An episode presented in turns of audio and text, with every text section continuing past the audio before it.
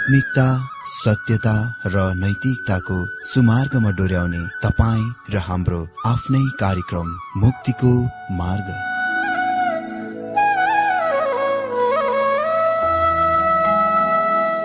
आदरणीय श्रोता यस मुक्तिको मार्ग कार्यक्रममा हार्दिक स्वागत छ।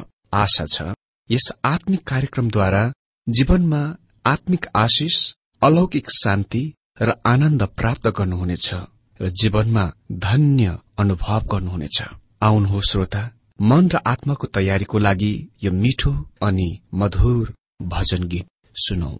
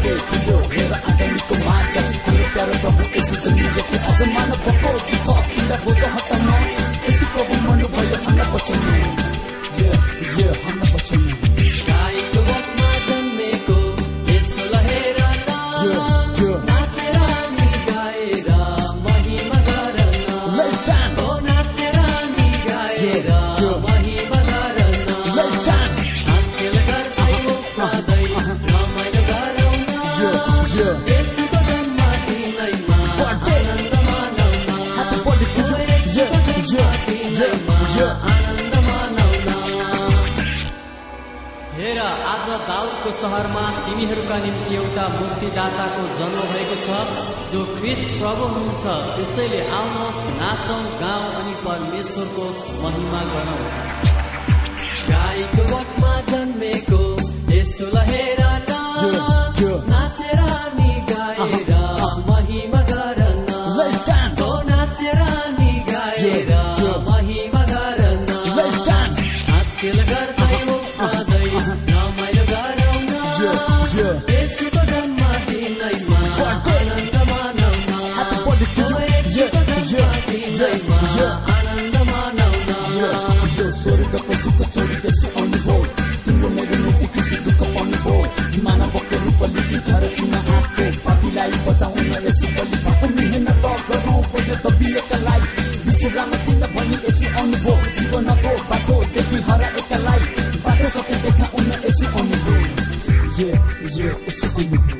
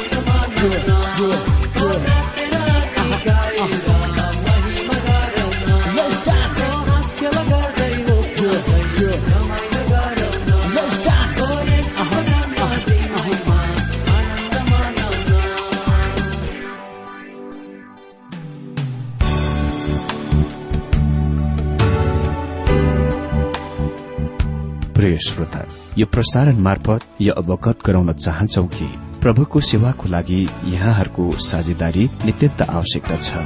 यहाँहरूले प्रार्थनाको साथसाथै आर्थिक सहायता गर्न अनुरोध गर्दछौ। तपाईँहरूको सानो भन्दा सानो भेटी किन नहोस्? हामी प्रभुको नाममा स्वीकार गर्नेछौ प्रभुको सेवाको लागि। तपाईँहरूको यो सानो लगानीले कसैको जीवनमा भिन्नता ल्याउँछ अनि प्रभुको महिमा हुन्छ। प्रभु तपाईँहरूलाई महान गरी आशिष दिनुहुनेछ। इच्छुक श्रोताहरूले तपाईँको इच्छा भेटी हाम्रो ठेगानामा पठाउन सक्नुहुन्छ जुन ठेगाना हामी कार्यक्रमको अन्तमा दिनेछौं। प्रिय श्रोता मित्र आज पनि यहाँ सबैलाई मेरो प्रभु येशु ख्रिष्टको मधुर अनि सामर्थ्यनामा जय मसी साथै हार्दिक स्वागत छ यो बाइबल अध्ययन कार्यक्रममा। मित्र अघिल्लो दिनमा हामीले परमप्रभुको भवन निर्माणको लागि मानिसहरूलाई चुनौती विषय अन्तर्गत उपशाखा विषय लाभ र हितको संघर्षको अभियोग विषयबाट हाग्गा एक अध्यय एक पदबाट अध्ययन गरिरहेका थियौं। आज हामी यही विषयबाट हग्गाई एक अध्यय दुईदेखि चार पदबाट बाइबल अध्ययन गर्नेछौ। हामीले अघिल्लो दिनमा देख्यौं कि दारा राजाको दोस्रो वर्षको छैटौं महिनाको पहिलो दिनमा परमप्रभुको वचन हागैद्वारा सर्वप्रथममा सत्तरी वर्षको बाइबेलको कैद अर्थात बन्दुवापछि आफ्ना मुलुकमा फर्की आउने बाँकी बचेका इसरायलीहरूका धार्मिक अगुवा यहोसु र नागरिक अगुवा यरुबाबेल कहाँ आएथ्यो किन परमेश्वरको वचन तिनीहरू कहाँ आयो त? त्यो हागैद्वाराको परमेश्वरको वचन कस्तो र के को लागि थियो? सो कुरा बुझ्नको निम्ति हामीले इसरायलीहरूको पृष्ठभूमि जान्न आवश्यक छ। जब इसरायलीहरू सत्तरी वर्षको बेबिलोन कैदबाट आफ्नो मुलुकमा फर्किआए। तिनीहरू अति नै ठूलो आशासँग आएथे। मन्दिर र यरुसलेम पर्खाल निर्माणको लागि तिनीहरूसँग अति नै ठूलो जोश र उत्साह थियो। तर तिनीहरूले त्यस निर्माण काममा ठूला ठूला सतावट र विरोधहरू भेटाए सामना गरे। जुनले वास्तवमा अति नै कठिन प्रयास प्रयत्न र कठिनाईहरूको माग गर्दथ्यो तिनीहरूको जीवनबाट। तिनीहरू त्यस प्रकारका कठिनाई अवधि र परिस्थितिमा भएर गुजरेपछि तिनीहरू अति नै धेरै निरुत्साहित भए। जब तिनीहरूले मन्दिर निर्माण गर्न आरम्भ गरे कठिनाईहरू त्यो समस्याहरू विरोधहरू दबाउन नसकिने वा जित्न नसकिने वा नरोकिने जस्तो देखिन्दथ्यो त्यसकारण तिनीहरूले युक्तिसंगत वा तर्कसंगत बनाए र यो निर्णयमा आए कि त्यो निर्माण गर्ने समय आएको थिएन। तिनीहरूले भने यो अति नै कठिनको काम छ। निश्चय नै हामीले यसको अहिले नै गर्न परमेश्वर इच्छा गर्नुहुन्न इरादा गर्नुहुन्न। तिनीहरूले त्यस बेलासम्म पहिल्यै मन्दिरको जग बसालिसकेका थिए तर सामरीहरूको सतावट र विरोध यति धेरै प्रचण्ड र उग्र थियो कि तिनीहरू भवन निर्माण गर्ने कामलाई ठ्याप्पै रोकिदिएर तिनीहरूले यस्तो बहाना बनाए हजुर निर्माण गर्ने समय अहिले अहिलेसम्म आएको छैन। यो परमेश्वरको इच्छा होइन कि अहिले मन्दिर निर्माण गर्ने। यसरी तिनीहरूले भवन निर्माणबाट बस्ने बहाना पाए। त्यो तिनीहरूको बहाना मात्र थियो। परमेश्वर वास्तवमा त्यो नै समयमा ठिक त्यही बेला त्यो भवन निर्माण गरेको चाहनुहुन्थ्यो। हागै एक अध्यय दुई पदमा परमेश्वर हागैद्वारा बोल्नुहुन्छ भन्नुहुन्छ। सर्वशक्तिमान परमप्रभु यसो भन्नुहुन्छ यी मानिसहरू भन्दछन् परमप्रभुको मन्दिर निर्माण गर्ने समय अझ आएको छैन। मित्र यदि तपाईँले नहिम्याको पुस्तक पढ्नु भए तपाईँले देख्नुहुनेछ कि जब तिनीहरूले यरुसलेमको पर्खाल पूर्ण निर्माण गरिरहेका थिए विरोध र सतावट अति नै भयंकर थियो तिनीहरूले सामना गरे। अनि तिनीहरूले मन्दिरको पुननिर्माण काममा पनि उही प्रकारका विरोध र सत्तावट पाए सामना गरे। तब मानिसहरूले भने यसको निर्माण गर्ने यो परमप्रभुको उचित समय होइन। परमेश्वरले भन्नुभएको कुरा सुन्नुहोस्।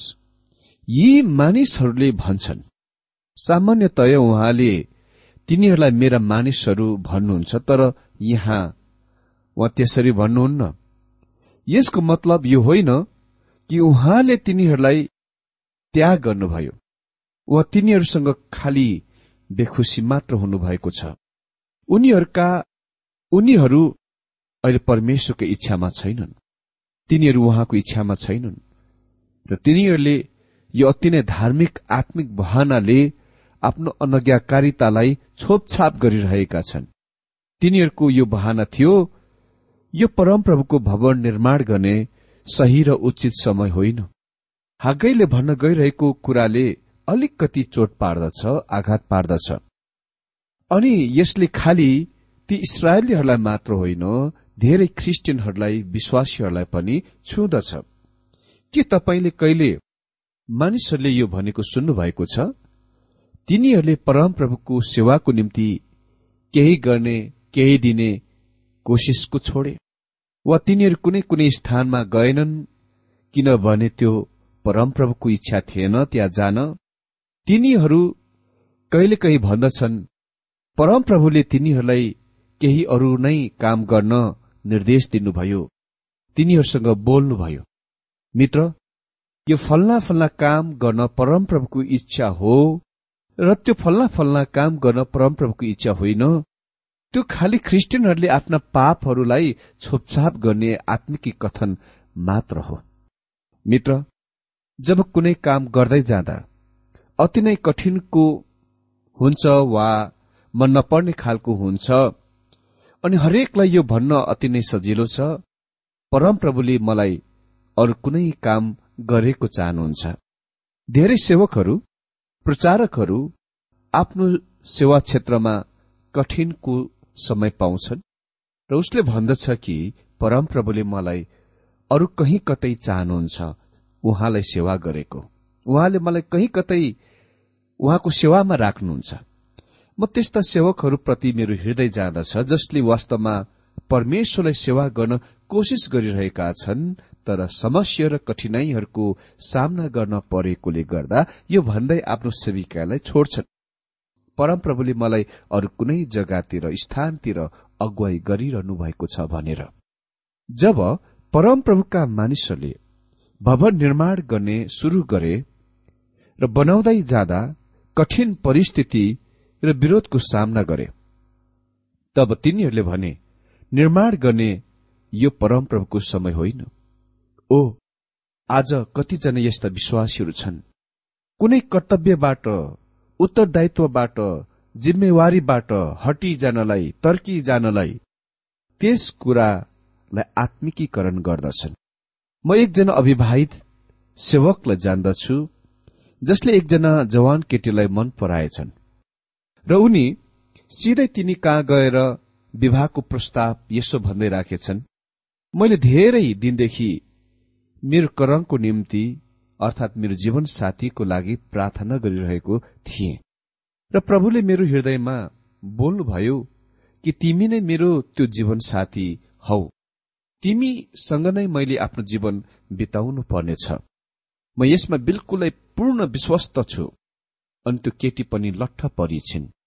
आखिरमा परमप्रभुले नै बोल्नु भएको भने मैले पनि एक दिन कसैसँग विवाह गर्ने नै पर्ने हो। म पनि तिमीसँग विवाह गर्न तयार छु। अनि तिनीहरूका सुव्यवस्थित तरिकाले मगनी भएछ र विवाहको दिन छ महिना पछिबाट राखेछन्। अनि केही दिन पछिबाट त्यस सेवकले अर्को मण्डलीमा झन् धेरै सुन्दरी धेरै शिक्षित र धनी केटी भेटाएछन्। र अति नै धेरै मन पराएछन्। उसले त्यस केटीसँग पनि त्यस्तै प्रस्ताव राखे। अनि त्यस केटीले पनि उसको विवाहको प्रस्तावलाई हुन्छ भनी छे अब तपाईँलाई थाहा छ त्यस सेवक पहिलेको मगनी गरेको केटीको घरमा आएर भनेछन् म यस कुरामा अति नै धेरै दुखित छु कि हाम्रो विवाह हुन सक्दैन। कारण परमप्रभुको इच्छा यस विवाहमा छ जस्तो मलाई लागेन। परमप्रभुको इच्छा जे रहेछ त्यो नै पूरा हुँदो रहेछ। भनी त्यस पहिलो केटीसँग विवाह गर्नबाट हात धोएछ। हेर्नुहोस् त्यस मानिसले आफ्नो स्वार्थ अभिलाषाको खातिर परमप्रभुको इच्छाको कुरा निकालेर र आफू तर्की जाने हटी जाने बहाना बनाए। अनि आज पनि त्यस प्रकारका धेरै विश्वासीहरू छन् जस्तो कि ती इसरायलीहरू थिए। अहिले यहाँ पहिलो प्रथम सन्देश छ जुन सितम्बर एक पाँच सौ बीस ख्रिस पूर्वमा दिइएको थियो। यो कुराको ध्यान दिनुहोस् कि हागैले परमप्रभुको वचन दिइरहेका छन्। तीन र चार पदमा भन्छन् तब परमप्रभुको यो वचन हागै अगमवक्ताद्वारा आयो। यो मन्दिर भग्नावशेष भइरहेको देखेर पनि के तिमीहरू आफू चाहिँ बुट्टेधार काटले सजाएका घरहरूमा बस्ने समय यो हो र? यी मानिसहरूले भनेथे कि परमप्रभुको भवन बनाउने समय आएको थिएन र तिनीहरूले चाहिँ आफ्ना आफ्नै विलासिताका घरहरू निर्माण गरिरहेथे अनि परमप्रभुले ठिक सिधै औल्याउनु भयो कि तिनीहरूका घरहरू बुट्टेदार सजाएका सुन्दर घरहरू थिए। यसको मतलब ती घरहरू अति नै भव्य शानदार र अति नै धेरै विलासिताका घरहरू थिए। अनि करिब पन्ध्र वर्षदेखि तिनीहरू आफ्नो भव्य सुन्दर घरहरू बनाइरहेका थिए।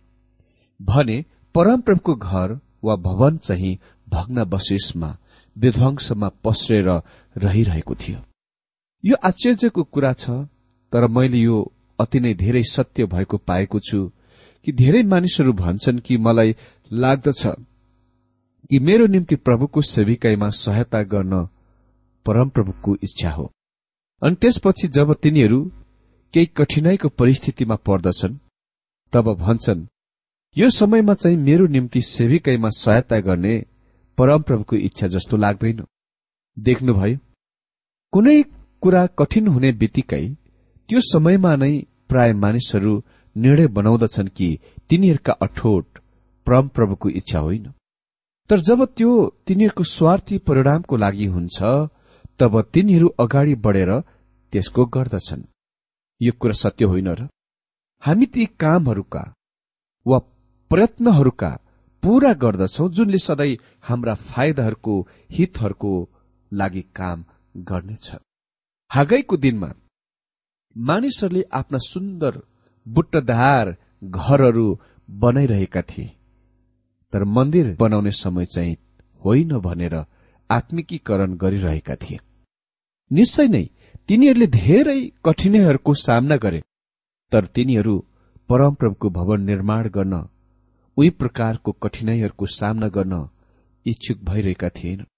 तिनीहरूका बहाना थियो त्यो गर्न हाम्रो निम्ति अहिले चाहिँ परमप्रभुको इच्छा होइन। ओ मित्र परमप्रभुको निम्ति केही काम नगर्नलाई त्यस्ता धेरै बहानाहरू मानिसहरूले बनाएको म सुन्दछु तिनीहरू प्रभुको इच्छाको बारेमा के चाहिँ जान्दछन्? के कुनै कुरा कठिन भएकोले गर्दा र त्यसको गर्न तपाईँबाट केही किमत केही मूल्य चुकाउनु पर्ने भएकोले गर्दा यसको मतलब यो हो कि त्यो प्रभुको इच्छा होइन? म तपाईँलाई भनौँ। परमप्रभुको इच्छाको अर्थ खुलाउने त्यो उचित तरिका होइन। कहिलेकाहीँ परमप्रभुको इच्छा अति नै कर्कश अनि अति नै कठोर पनि हुन्छ।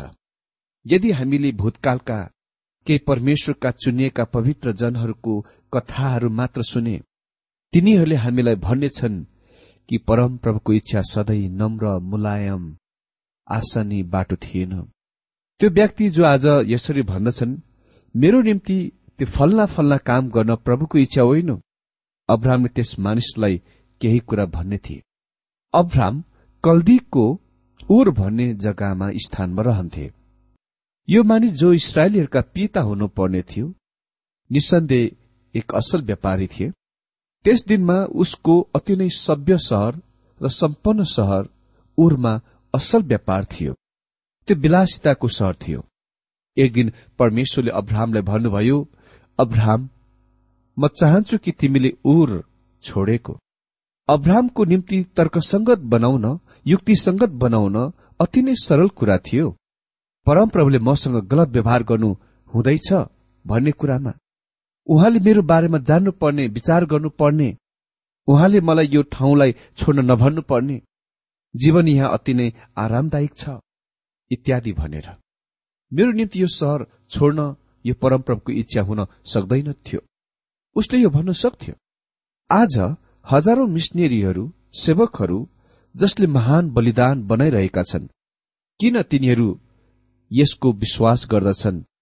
किनभने तिनीहरू विश्वास गर्दछन् कि तिनीहरूको निम्ति सेविकाईमा हुने परमप्रभुको इच्छा हो। अनि यो धेरै विश्वासीहरूको निम्ति पनि सत्य छ। फेरि हागैको कुराको ध्यान दिनुहोस्। हागैले यो स्पष्ट गरिरहेका छन् कि यो उसको आफ्नै वचन होइन। ती परमेश्वरका वचनहरू हुन्। म एकजना अगुवालाई जान्दछु जसको मण्डलीमा म गएथे। उसको मण्डलीमा बस्नलाई राम्रो गुन्द्रीहरू पनि थिएन।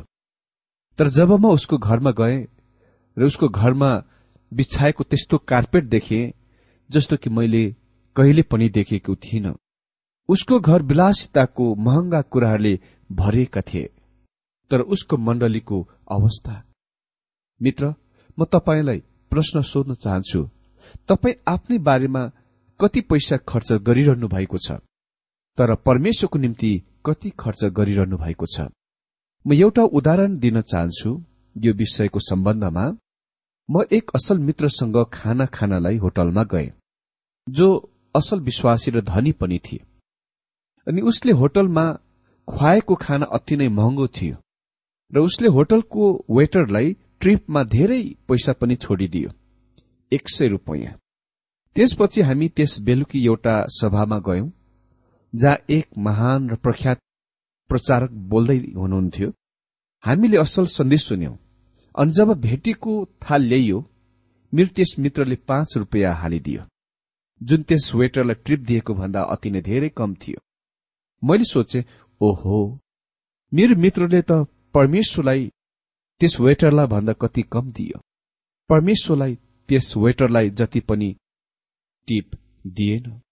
मित्र इसरायलीहरू भनिरहेका थिए कि परमप्रभुको भवन निर्माण गर्नलाई यो उचित समय होइन। परमेश्वर भन्नुहुन्छ त के तिनीहरूका घरहरू बनाउने त समय हो? बुट्टेदार घरहरू बनाउने त्यसमा रहने त समय हो? मित्र मण्डलीमा आज धेरै पाखण्डीपनहरू छन्। मानिसहरूले परमेश्वरको लागि के गरिरहेका छन् सो कुराको बारेमा घमण्ड गरेको सुन्दा सुन्दा कहिलेकाहीँ म थकित हुन्छु। जबकि तिनीहरूले आफ्नै स्वयंको निम्ति जे गर्दछन् जुन तिनीहरूले परमेश्वरको निम्ति गरिरहेका कुरा भन्दा हजारौं गुणा ठूलो र धेरै छ। मित्र आज हाम्रो अवस्था कस्तो छ? कुन तरिकामा हामीले परमेश्वरलाई सेवा गरिरहेका छौं? आजको यो बाइबल अध्ययनद्वारा हामी हरेकलाई परमेश्वरले आशिष दिनुभएको होस्।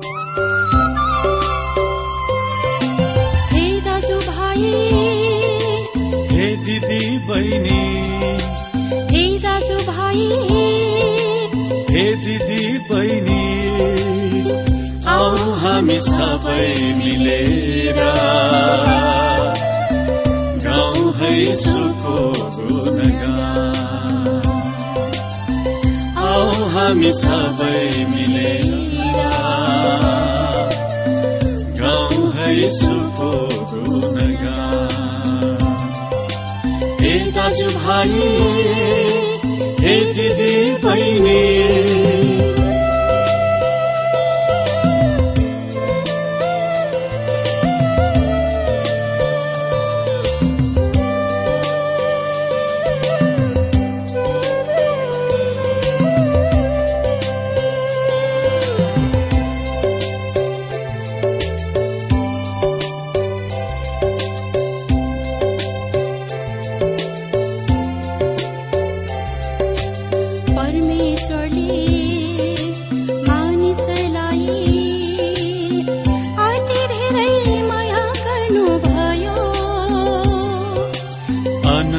जीवन सबैलाई दिन।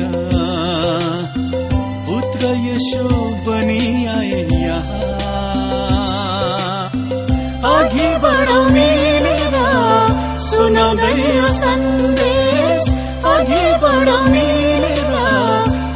यो सन्देश मुक्तिदाता यसो हुन् सबैको मुक्तिदाता यसो हुन् सबैको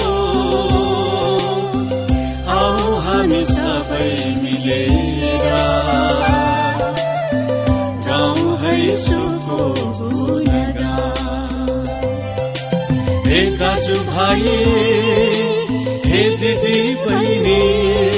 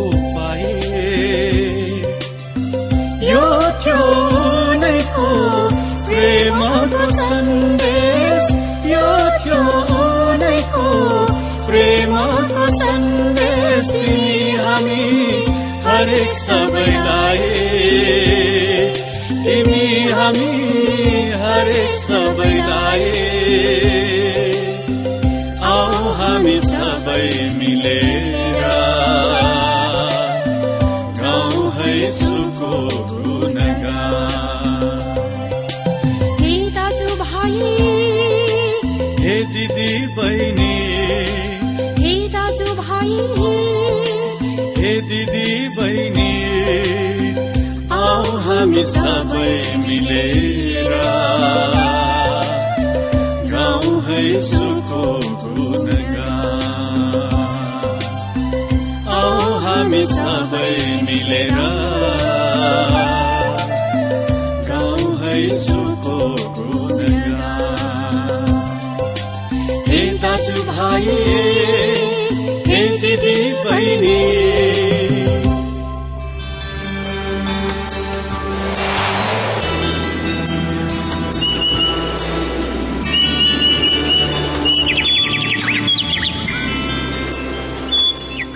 श्रोता अहिले भर्खरै तपाईँले टीडब्ल्यूआर नेपालद्वारा सञ्चालित आत्मिक कार्यक्रम मुक्तिको मार्ग सुनिरहनु भएको थियो। श्रोता आजको यो कार्यक्रम सुनेर तपाईँलाई कस्तो लाग्यो? यदि यो कार्यक्रम सुनेर मनमा कुनै खुल्दुली वा कुनै प्रतिक्रिया अर्थात सुझावहरू छन् भने हामीलाई पत्रद्वारा लेख्न सक्नुहुनेछ।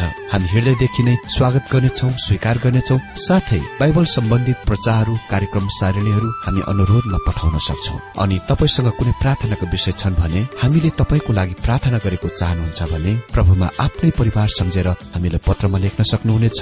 तपाईँको लागि हामी प्रभु येशुसँग प्रार्थना गर्नेछौ। अधिक जानकारी र पत्रचारको लागि हाम्रो ठेगाना यस प्रकार छ। कार्यक्रम मुक्तिको मार्ग जीपीओ नम्बर उनानब्बे पचहत्तर इपिसी पच्चिस एकसठी काठमाडौँ। ठेगाना एकपल्ट सुन्नुहोला। कार्यक्रम मुक्तिको मार्ग जीपीओ नम्बर उनानब्बे पचहत्तर इपिसी पच्चिस एकसठी काठमाडौँ। हाम्रो इमेल एड्रेस हो TWR Nepal at Yahoo dot com साथै यस नम्बरमा एसएमएस गर्न सक्नुहुनेछ। अन्ठानब्बे चार सत्तरी पैतिस छ सय उनासी नौ आठ चार सात जिरो तीन पाँच छ सात नौ। हुन्छ श्रोता आजलाई हामी विदा चाहन्छौ। अर्को कार्यक्रममा हामी पुनः भेट्नेछौ तबसम्मलाई नमस्कार।